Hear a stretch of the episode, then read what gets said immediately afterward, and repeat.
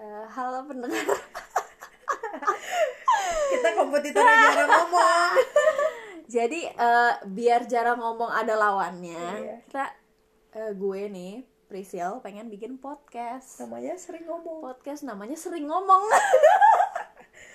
Macam Indomaret Biar biar ada lawannya gitu. Ntar gue bikin logo juga. Iya iya. Eh, biar ada, ada sering ngomong gitu. Kita kita nge-rip off Adler Iya. ya. Dan seperti biasa, bintang tamu yang pertama Dan seperti adalah biasa bintang tamu yang pertama adalah Claris lagi. again. Gue adil loh, jarang ngomong. Gue juga bintang bintang bintang ini loh. sering Bintang ngomong juga tamunya. bintang tamu pertama gitu. Iya. Kita nggak tahu sih nanti Adler bakal kesel apa sih kita bikin podcast ini tapi ya udahlah ya guys. Nah eh, kita juga sebenarnya nggak tahu apakah ada yang mau dengar podcast ini atau enggak. Cuman Ada. Ini kita dari orang gabut. Dari orang dari gabut. orang untuk- gabut untuk orang gabut. Dari orang gabut oleh orang gabut untuk orang gabut. Untuk orang yang lebih gabut lagi. untuk orang yang lebih gabut lagi. Eh, jadi eh, kan gue mikir-mikir tuh awalnya gue tuh pengen ngomongin apa ya padahal gue eh, dan Claris tuh tipikal orang yang kalau ngomong tuh bisa nggak habis-habis jadi sebenarnya banyak yang bisa kita omongin cuman untuk milih satu topik tuh kadang agak sulit Karena terlalu banyak yang mau karena terlalu banyak dibahas. yang mau dibahas betul tapi karena biar ada temanya biar ada suatu yang apa ya biar biar ada ada jelasnya dikit lah ya Ya, biar ada kepastian kepastian dikit lah. aduh jadi jadi gue menentukan kita tuh mau ngomongin tentang norma norma sosial Mm-mm. dan malah bukan tentang norma sosial sih hal-hal yang di luar norma sosial Oke. oke jadi eh Apakah itu pertama norma sosial? itu terlalu berat kayak pertanyaannya padahal temanya itu ya apakah itu tapi kayak gimana ya menurut gue kayak untuk untuk eh, menentukan apa itu norma sosial juga kita pun nggak bisa ngejawab ya Clara. karena kayak Beda-beda sih. beda-beda di setiap tempat norma sosial tuh beda-beda di setiap lingkungan itu norma sosialnya beda-beda cuman kita mau ngebahas dari sudut pandang kita aja nih Mm-mm. dari apa yang kita tahu dari teman-teman yang kita kenal dan ya dari dunia kita lah intinya gitu. Sebagai kita kan di sini oh iya kita belum pernah ya. Jadi tuh kita tuh mahasiswi mahasiswi ya. Anjay. Coventry University anjay. Coventry University di Coventry United Kingdom. Kita dari Indonesia ya iyalah bahasa Indonesia dari mana lagi anjir? Geblek ya intinya intinya kita eh, anak-anak PPI dan iya kita mengalami tinggal di luar gitu di mana di sini ada norma sosial sendiri buat mahasiswa Indonesia yang sekolah di luar Mm-mm. Benar. Nah, nah mulai aja deh. Gue dari tadi bacotnya udah panjangan. gue mau nanya pertanyaan pertama ke Claris nih.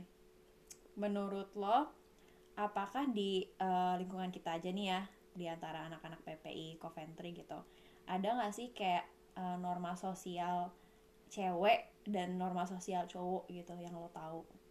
Hmm.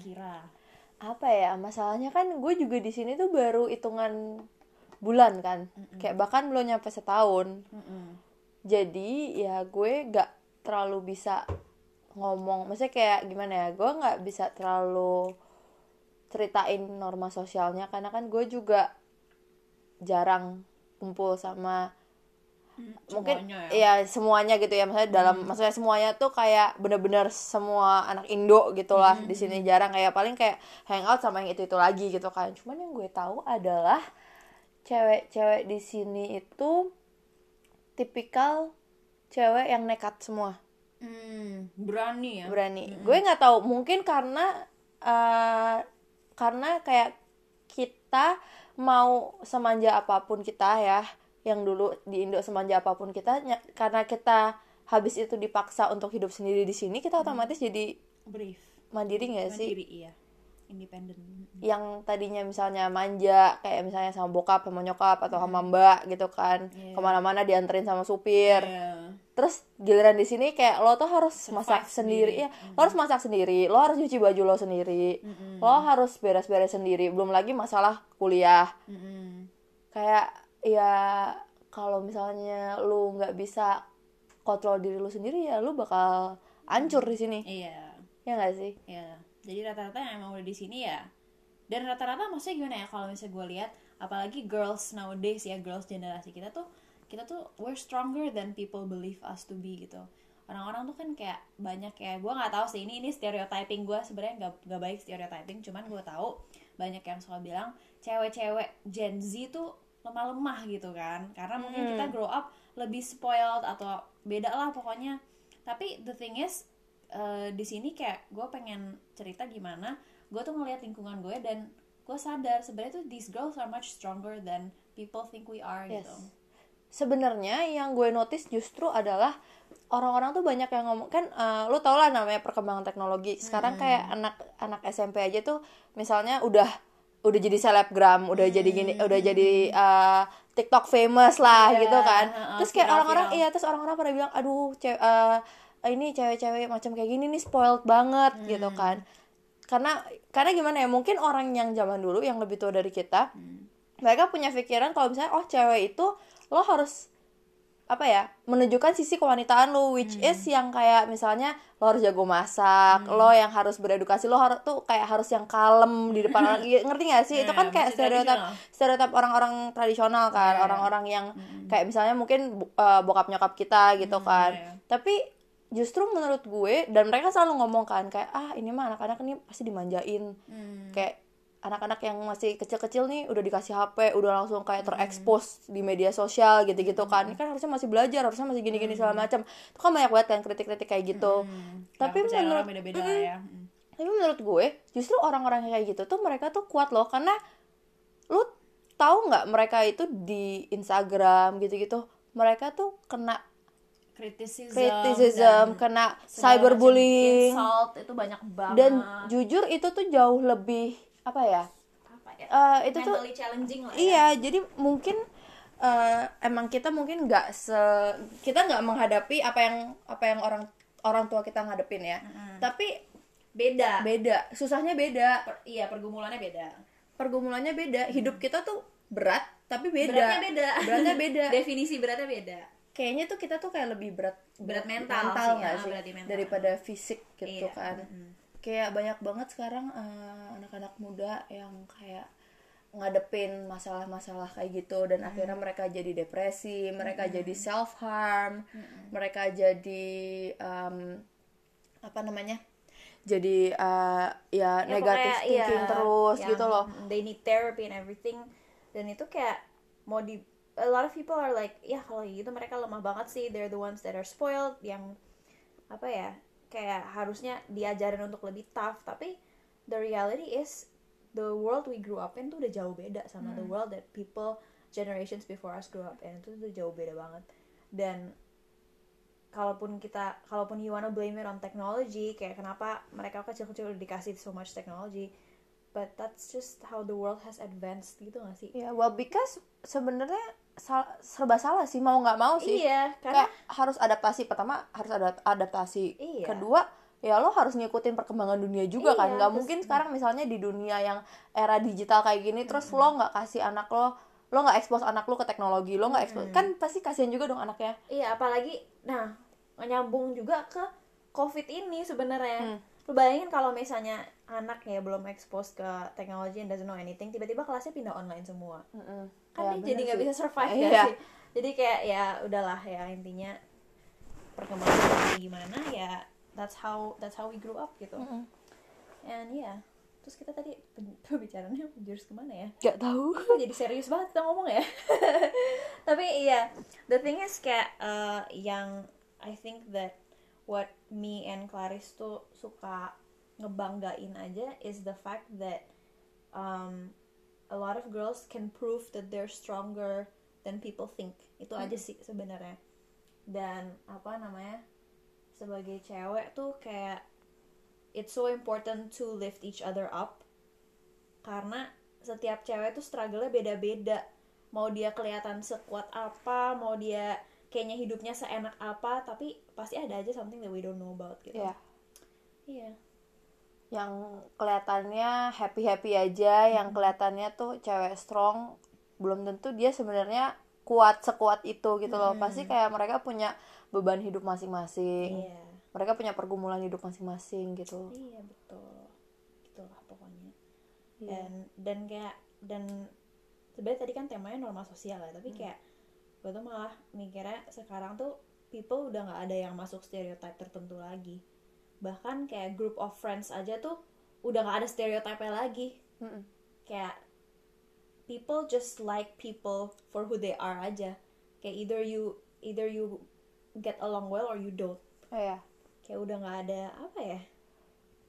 Tau deh gue nggak jelasinnya. Udah udah nggak ada yang kayak gue gue sukanya tipe temen yang kayak gini nggak bisa gitu iya karena nggak bisa. Orangnya udah campur aduk gitu and, and and it's really up to you gitu loh kalau misalnya emang lu cocok temenan sama dia ya lu cocok aja for no reason.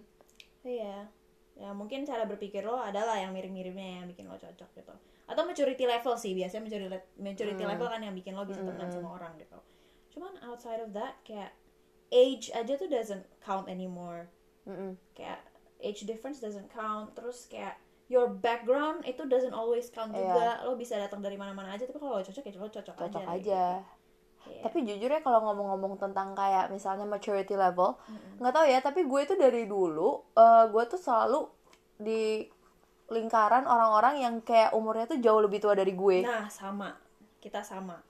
Dan jadi di mana-mana di circle pertemanan gue yang kebanyakan itu tuh gue selalu yang paling kecil. Karena kayak apa ya gue bukannya gue nggak bisa temenan sama orang yang seumuran gue atau yang lebih muda dari gue bisa-bisa aja. Cuman eh, ada beberapa topik pembahasan tuh yang gue tuh bisa cuman bisa buka gue cuma bisa bahas sama circle iya sama circle yang Yang maturity lebih tua iya udah nyampe. yang Hmm. yang maturity levelnya tuh jauh di atas gue gitu Hmm. sedangkan eh, ya kalau misalnya cuma buat having fun gitu-gitu ya gue tetap bisa hang out juga sama yang Hmm. Seumuran gue gitu. sama siapa pun sih sebenarnya anak kecilnya bisa Nah, iya ya Iya. kan guru suami gue ya tapi balik lagi kayak kadang tuh there are just some things yang mungkin karena kayak misalnya contohnya gue punya sel grup kan.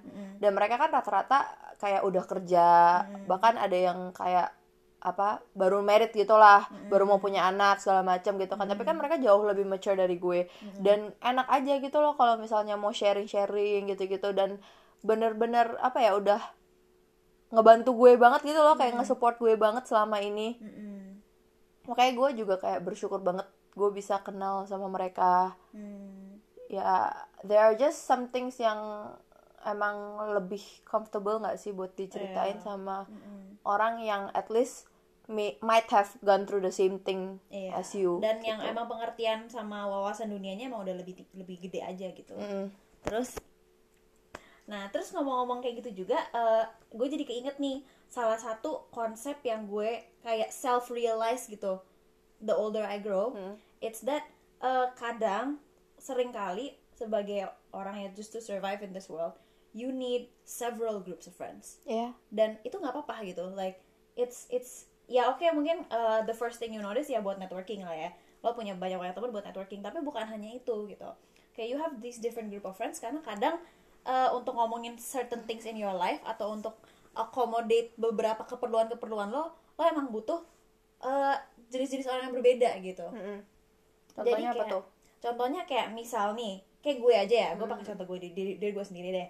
Sebagai mahasiswa di sini, yang gue butuh eh, teman-teman yang perjuangannya bareng-bareng ya gue ada kalian gitu.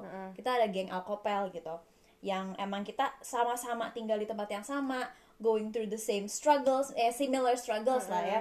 Kita saling support gitu hidup kita di sini. Dan ini ya my main friend group for the moment kan. Tapi at the same time kayak em, gue masih butuh banget teman-teman gue yang di yang di rumah gitu yang di Jakarta. Because these are the friends yang ngelaluin masa-masa S1 bareng gue kan gue S2 nih. Waktu S1 tuh mereka bener-bener kayak they were such an important part of my life. And there are things yang emang mereka udah tahu aja gitu about me. So kalau misalnya gue ada masalah apa gue pengen cerita apa gue bisa gitu ke mereka gitu. Or if I wanna know how things are going back home gue ngobrol sama mereka lagi gitu. Terus kayak ada juga eh, sel grup gue kayak yang lo, lo tadi itu sama kita. Gue di sel grup gue juga yang paling muda. Orang-orangnya udah pada kerja udah pada ada yang udah married ada yang udah punya anak segala macam dan mereka itu benar-benar yang support gue dari em, apa ya my growth lah pokoknya. Spiritual growth iya mental growth iya. Dan itu orang-orang yang emang kalau misalnya gue punya masalah-masalah yang bener-bener dalam banget really really personal things gitu things that are really heavy yang a regular friend group tuh kadang it's too it might get too much for them to handle Iya. gitu. Which is okay it's fine. Jadi gue ada grup lain buat itu. Heeh. dan itu ya ya kembali lagi setiap orang kebutuhannya beda-beda ya. But it's really up to you kayak apa namanya um, I think that I want to tell people that are probably stuck in one friend group or they feel like apa ya they don't really have people to talk to kayak maybe lo harus kayak self reflect aja gitu. Apakah mungkin lo butuh cari lingkungan atau suasana baru? Apa mungkin? Atau mungkin lo butuh kayak ya just just have more people around you or reach out to more people. Itu it's completely fine gitu. you don't have to stick to the same uh, group of people for everything Iya, gitu. heeh. and it's it's it's important to realize that karena itu for your own benefit it's for your own growth gitu. And for your own health lah buat kesehatan lo sendiri. Terus juga eh tadi gue mau ngomong apa ya? Hilang kan? Bisa gitu bisa gitu ya. ya. Ngeblank ini jam berapa? Padahal belum malam banget ya. Karena kebanyakan ngomong. Kebanyakan ngomong.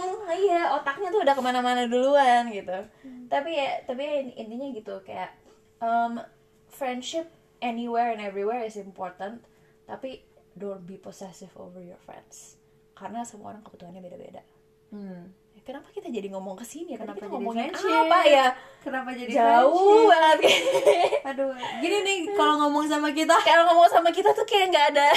Awalnya mau ngomongin apa, Awalnya ngomongin kira-kira apa, ngomongin apa. iya Ya, ya, tapi- jadi kita kita tuh bukan profesional sih guys sebenarnya. Jadi kita sekali. ini cuma dua teman bercerita jadi tolong jangan Iya. dihujat ya. Iya. Ini cuman kayak eh, kebetulan kayak gue lagi curhat sama Pris tapi direkam aja. Iya. Iya, em, tapi ya kalau kayak misalnya nih udah kita skip aja ya ke friendship ya. Iya, udah males ngomongin norma jauh. sosial ribet ah. Ternyata eh, topik norma sosial itu terlalu terlalu dalam terlalu dalam. Terus kayaknya kita kurang otak-otak yang cetek kayak Iya, kita kita kayak kurang profesional ya. Itu yang ada kita salah fakta terus dihujat. Jadi mending kita, kita skip, eh, skip, skip. Iya. Aduh, iya kalau ngomongin tentang friendship ya kayak hmm, lo pernah gak sih ngerasain yang namanya lo tuh ganti-ganti temen terus? Maksudnya gini loh, kalau kayak gue, karena mungkin gue tuh apa ya? eh, gue dari kecil itu tuh sering pindah sekolah. Pindah sekolah tuh karena gue harus ngikutin bokap gue kerja di mana gitu kan. Jadi gue harus pindah otomatis gue yang mungkin nah ini salah satu kayaknya salah satu alasan kenapa gue tuh bisa extrovert kayak kenapa gue tuh bisa banget bisa dengan gampangnya approach orang baru karena gue dari dulu dipaksa untuk seperti itu kayak misalnya Udah terlatih ya. Misalnya nih kayak gue tiba-tiba harus pindah sekolah. Misalnya gue lagi SD gitu kan. Orang kan biasanya pindah sekolah pas lagi misalnya baru mau masuk SMP atau baru mau masuk SMA gitu kan. Pindah ke sekolah baru. Nah gue tuh bisa yang bisa yang kayak pindah sekolah tuh di tengah-tengah tahun. Hmm, iya. Nah, lo kebayang dong kayak orang-orang tuh udah pada punya gengnya sendiri, udah pada punya temennya sendiri dan gue Iya. harus tiba-tiba lo masuk tiba-tiba gitu. lo- gue masuk dan gue harus kayak gimana ya lo tau lah namanya anak-anak sekolahan anak-anak sekolahan yang yang uh, apa namanya udah punya geng-gengnya sendiri Iya, gitu kan heeh. jadi ya lo ngerasa susah mau fit in-nya lagi gitu kan. mm, cuman ya I think itu juga it's it's a good it's a good practice juga buat gue karena dari situ gue tuh bisa dengan gampangnya approach orang baru. Iya. Nah, terus em, tapi karena itu juga gue tuh jadi punya temen di mana-mana kan. Hmm.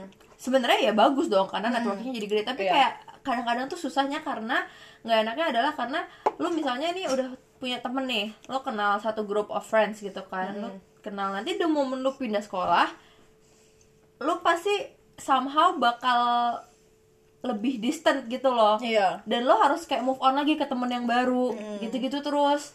Dan itu menurut gue kayak jujur pas itu gue agak kewalahan kan. Maksudnya kayak ya gue Sedih baru, gak sih? iya sedih sih. Kayak gue baru deket sama orang ini tapi karena gue harus pindah sekolah gue jadinya eh, harus punya group of friends yang baru lagi gitu iya. dan apalagi kan gue kan pas pindah sekolah tuh juga pindah negara kan gue ke Hmm, Singapura jadi otomatis pas gue ke Singapura ya tahun-tahun pertama gue di Singapura gue masih deket dong sama teman-teman gue yang di Indo tapi Iya. setelah berapa lama ya mungkin karena juga perbedaan ketemu. ya udah lama nggak ketemu dan udah lama nggak barengan jadi kan eh, apa ya nggak bisa relate kan satu Iya. sama yang lain susah dan apalagi mereka misalnya yang masih lanjut SMP terus Iya. kan mereka pasti kan kayak punya inside joke sendiri atau udah punya cerita-cerita sendiri gitu Iya, kan. udah left Dan- out gitu ya FOMO. Dan gue jadi susah banget buat iya. ngerelate ke mereka buat kayak ikut ngobrol segala macam sama terus habis itu gue di Singapura gue ketemu teman-teman baru pas gue pulang ke Jakarta gitu lagi gitu loh. Dan jadinya gue ngerasa kayak kok susah banget gitu kan. Maksudnya mungkin karena fakta perpindahan negara juga kan. Nah tapi itu masih Singapura. Pas lu pindah ke UK ah itu beda lagi. ya ditambah perbedaan jam. Iya. Ya jadi gitu. Ya cuman kayak dari situ lu juga bisa ngelihat who your real friends nah are. iya. Yang bener-bener masih stick with you although although lu udah jarang ngomong sama mereka yang pasti kalau misalnya sekarang gue di UK gue pasti susah kan jarang kan ngomong sama temen-temen gue. Yang di Singapura yang di Indo karena perbedaan waktu kan. Cuman somehow ketika semuanya bisa ngumpul nih apalagi lagi masa-masa karantina kayak gini nih Iya. semua orang gabut Heeh. masih connect aja Iya. bener-bener masih connect and justru menurut gue itu tuh jauh lebih meaningful karena Iya. kita jadi cerita banyak buat kita kayak yang bisa berjam-jam nelfon bener-bener Iya. ceritain dari A sampai Z muter ke sana muter ke sini gitu-gitu Iya. kayak ketawa-ketawa nanti curhat nanti galau segala macam dan itu tuh bener-bener kayak yang apa ya yang kayak wah gila gue tuh kangen banget sama orang-orang ini gitu Iya.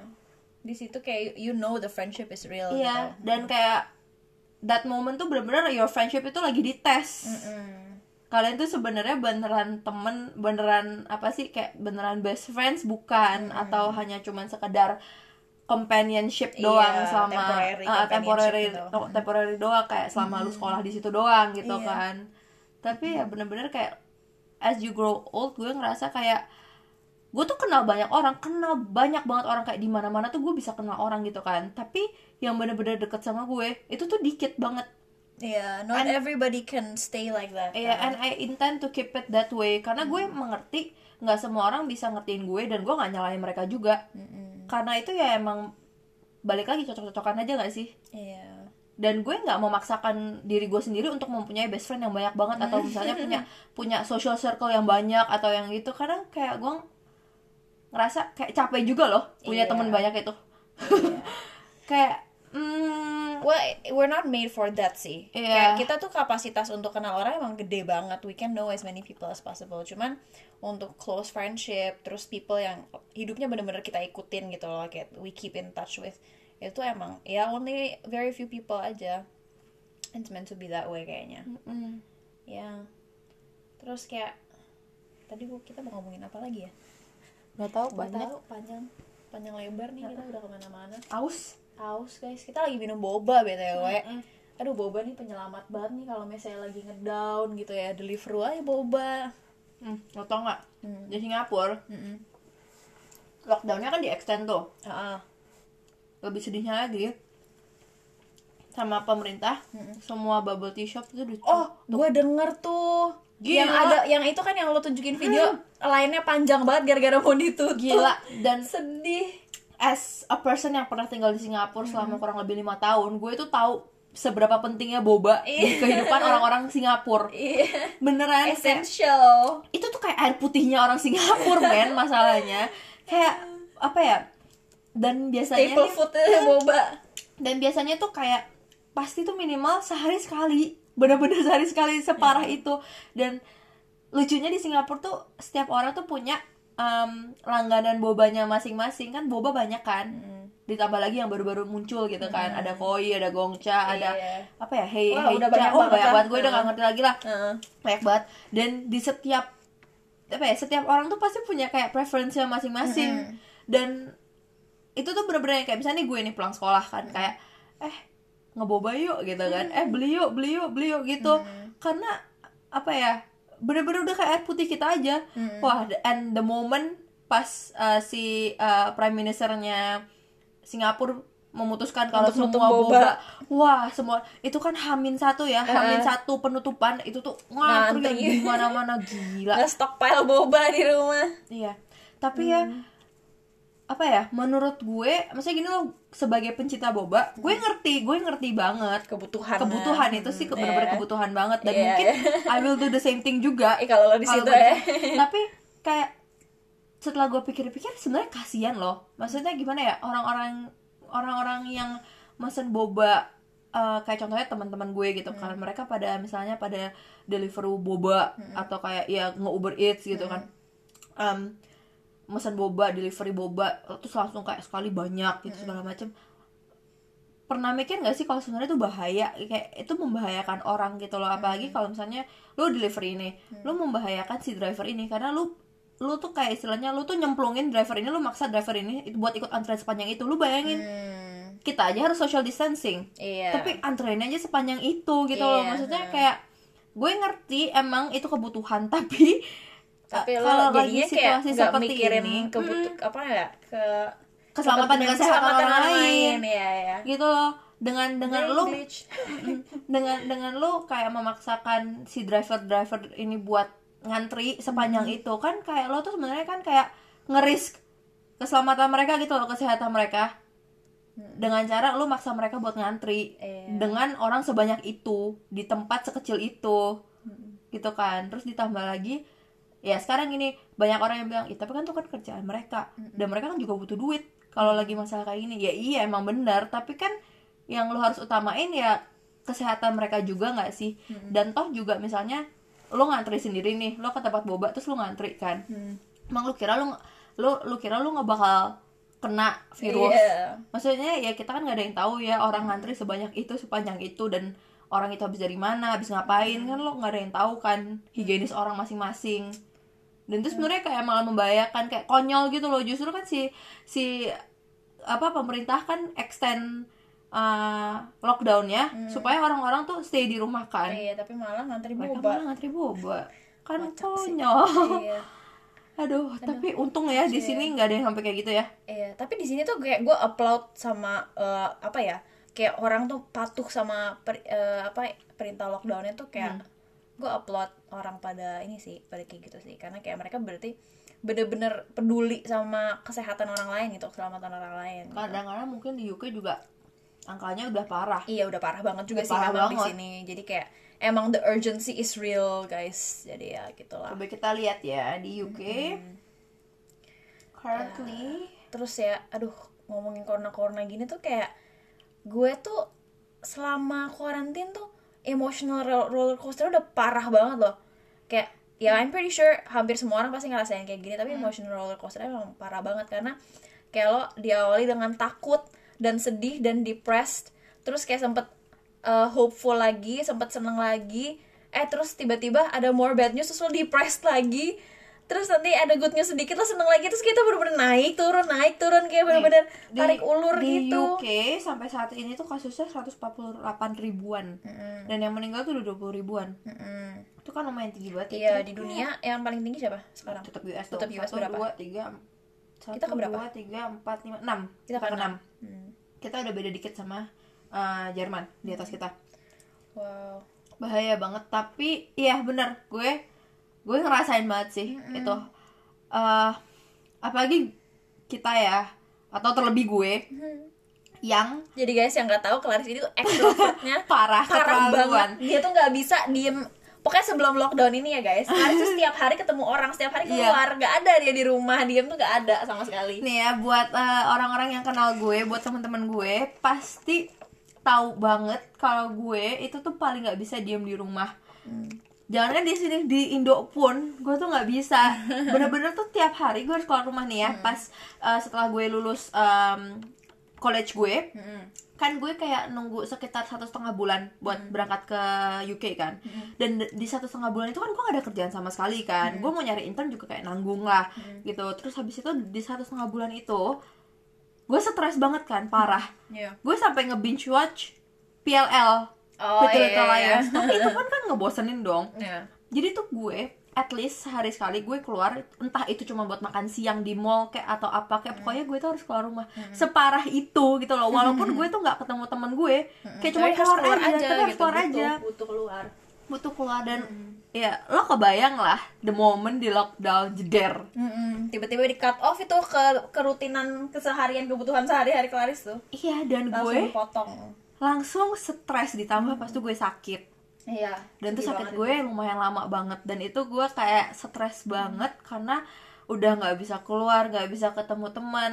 Mau dipaksain ketemu teman juga gue takut nularin orang. Mm-mm. ya kan? Itulah guys. tapi ya untungnya kayak masih ada yang mau nemenin gue. Lewat telepon, Lewat telepon. walaupun virtual tapi walaupun virtual tapi ya oke lah. oke lah, nggak sendiri-sendiri banget. Iya, terus nge-zoom, Hmm, nge-skype iya. tiap hari ya kan, Iya. ngedugem virtual. Dugem virtual, aduh iya. Nonton bareng Netflix Nah, party. iya, ada aja guys. Pokoknya intinya pertemanan tuh pertemanan harus jalan terus. Gak ada nggak ada berhenti berhentinya. Kalau ada niat pasti ada caranya. Iya, terus ngomong-ngomong nih, sebenarnya nih Claris dan beberapa teman kita yang lainnya ini tuh bentar lagi mau pulang nih ke Indo Hmm. nih, karena mereka udah selesai dan kayak ya udah mereka mau udah mau balik aja gitu. Terus eh, sebenarnya sih gue ada sih masih ada beberapa beberapa teman kita yang masih di sini, jadi mungkin gue nggak sendiri sendiri banget, cuman kayak gue sedih aja gitu. Walaupun memang gue tahu pasti ka- mereka di Indo pun gue akan tetap skypean terus sama mereka gitu gue tahu sih cuman kayak it's a different feeling lah lo udah bukan di time zone yang sama kayak lo udah nggak bisa udah nggak nggak bisa lagi samsek ketemu secara fisik gitu kan Hmm. Tapi- Hmm, jadi sedih. Uh, sedih tapi at the same time ya um, dan gue gue cuman berharap this is real eh, this is true gitu. Kayak walaupun ini kita friendship ya sebentar over the past berapa bulan terakhir ini nih sejak kita main sama Alkopel ini nih gue tuh kayak ngerasain the friendship tuh bener-bener real banget gitu loh.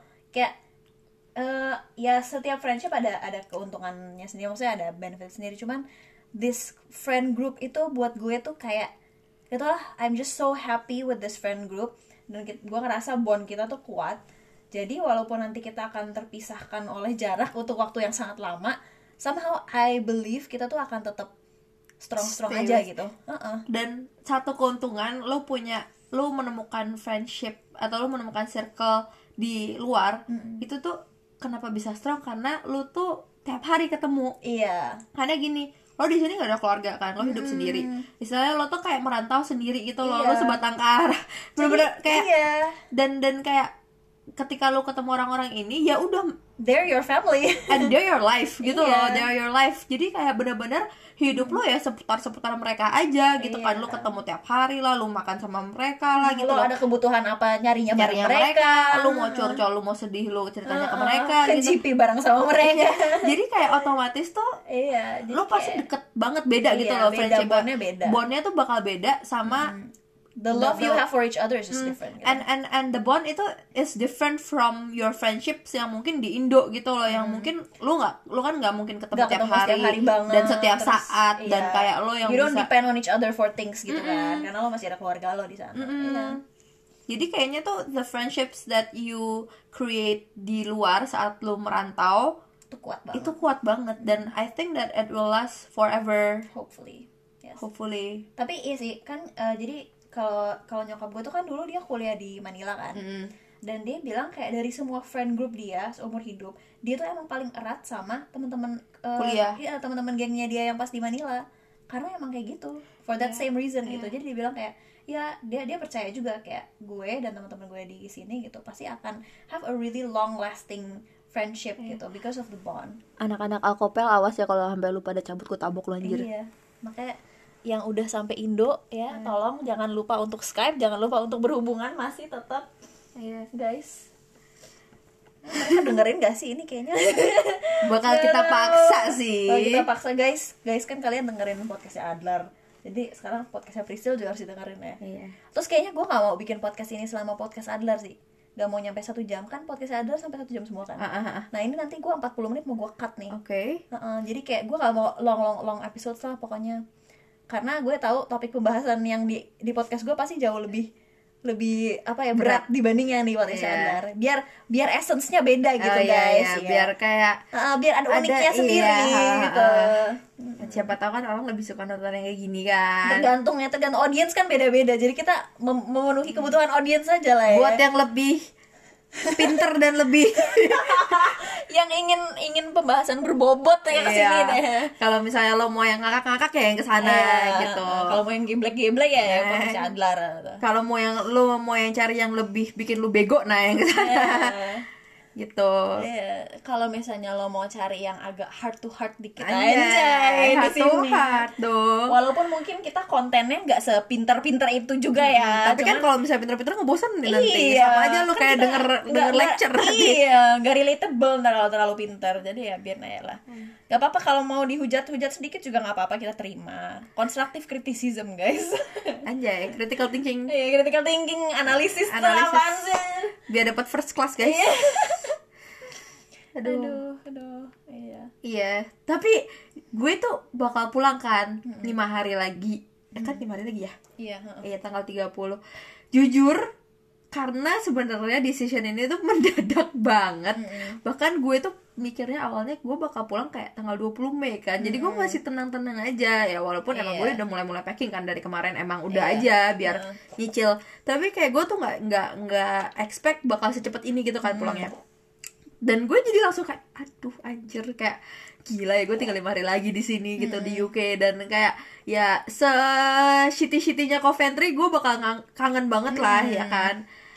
Dan di satu sisi kayak gue tuh sedih buat ninggalin UK kan. Gue sedih buat ninggalin kayak Coventry buat ninggalin kayak teman-teman yang masih ada di sini. Tapi di satu sisi lain gue seneng banget gue bisa pulang Iya. akhirnya. jadi ya It's already time for you untuk season selanjutnya. mixed feeling aja sih. Kayak tapi this is kayak the best for you gitu. Karena emang udah waktu lo di sini emang udah habis.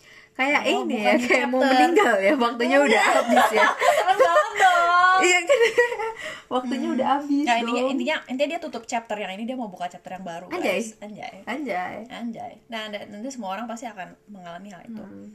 Kan gue gue nih kal- kalau gue sedangkan gue baru buka chapter. Pas Hmm. Januari gue sampainya gue baru buka chapter. Dan chapter gue di sini masih Masih panjang. panjang. Hmm.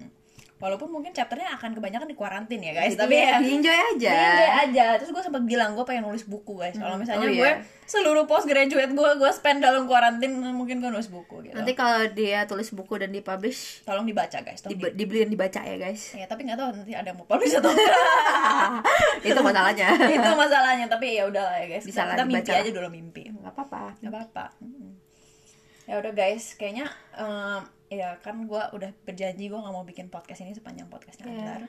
Jadi sementara kita cut dulu, cuman karena gue paling enak bacot sama Claris. Jadi gue yakin nanti suatu hari nanti gue akan undang dia lagi untuk untuk podcast lagi bareng gue di sini. nanti nanti gue dari Jakarta Nah, podcastnya deh nah, nanti kita long distance podcast tapi yang penting tetap jalan kan guys. Hmm.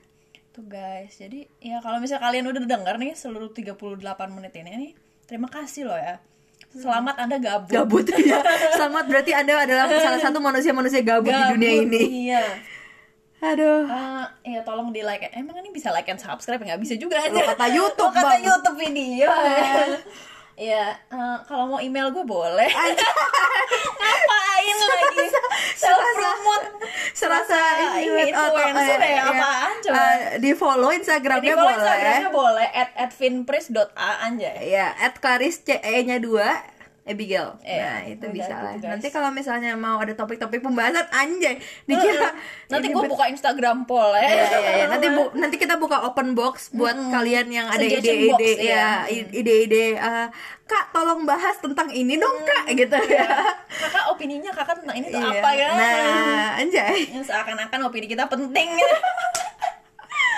ya udah guys eh, sebelum kita tambah bego ntar lama-lama jadi kayak podcastnya Adler ya Iya, nggak boleh nggak boleh. eh. Harus menjaga menjaga ini Menjaga dong. esensi menjaga podcast brand ini. image, menjaga brand image. iya, brand image-nya kita ya udah jadi kita kita akhiri dulu di sini terima kasih semuanya Thank you guys. selamat menggabut for the Ya. rest of your day Stay whatever zone. safe. stay home stay free Aja.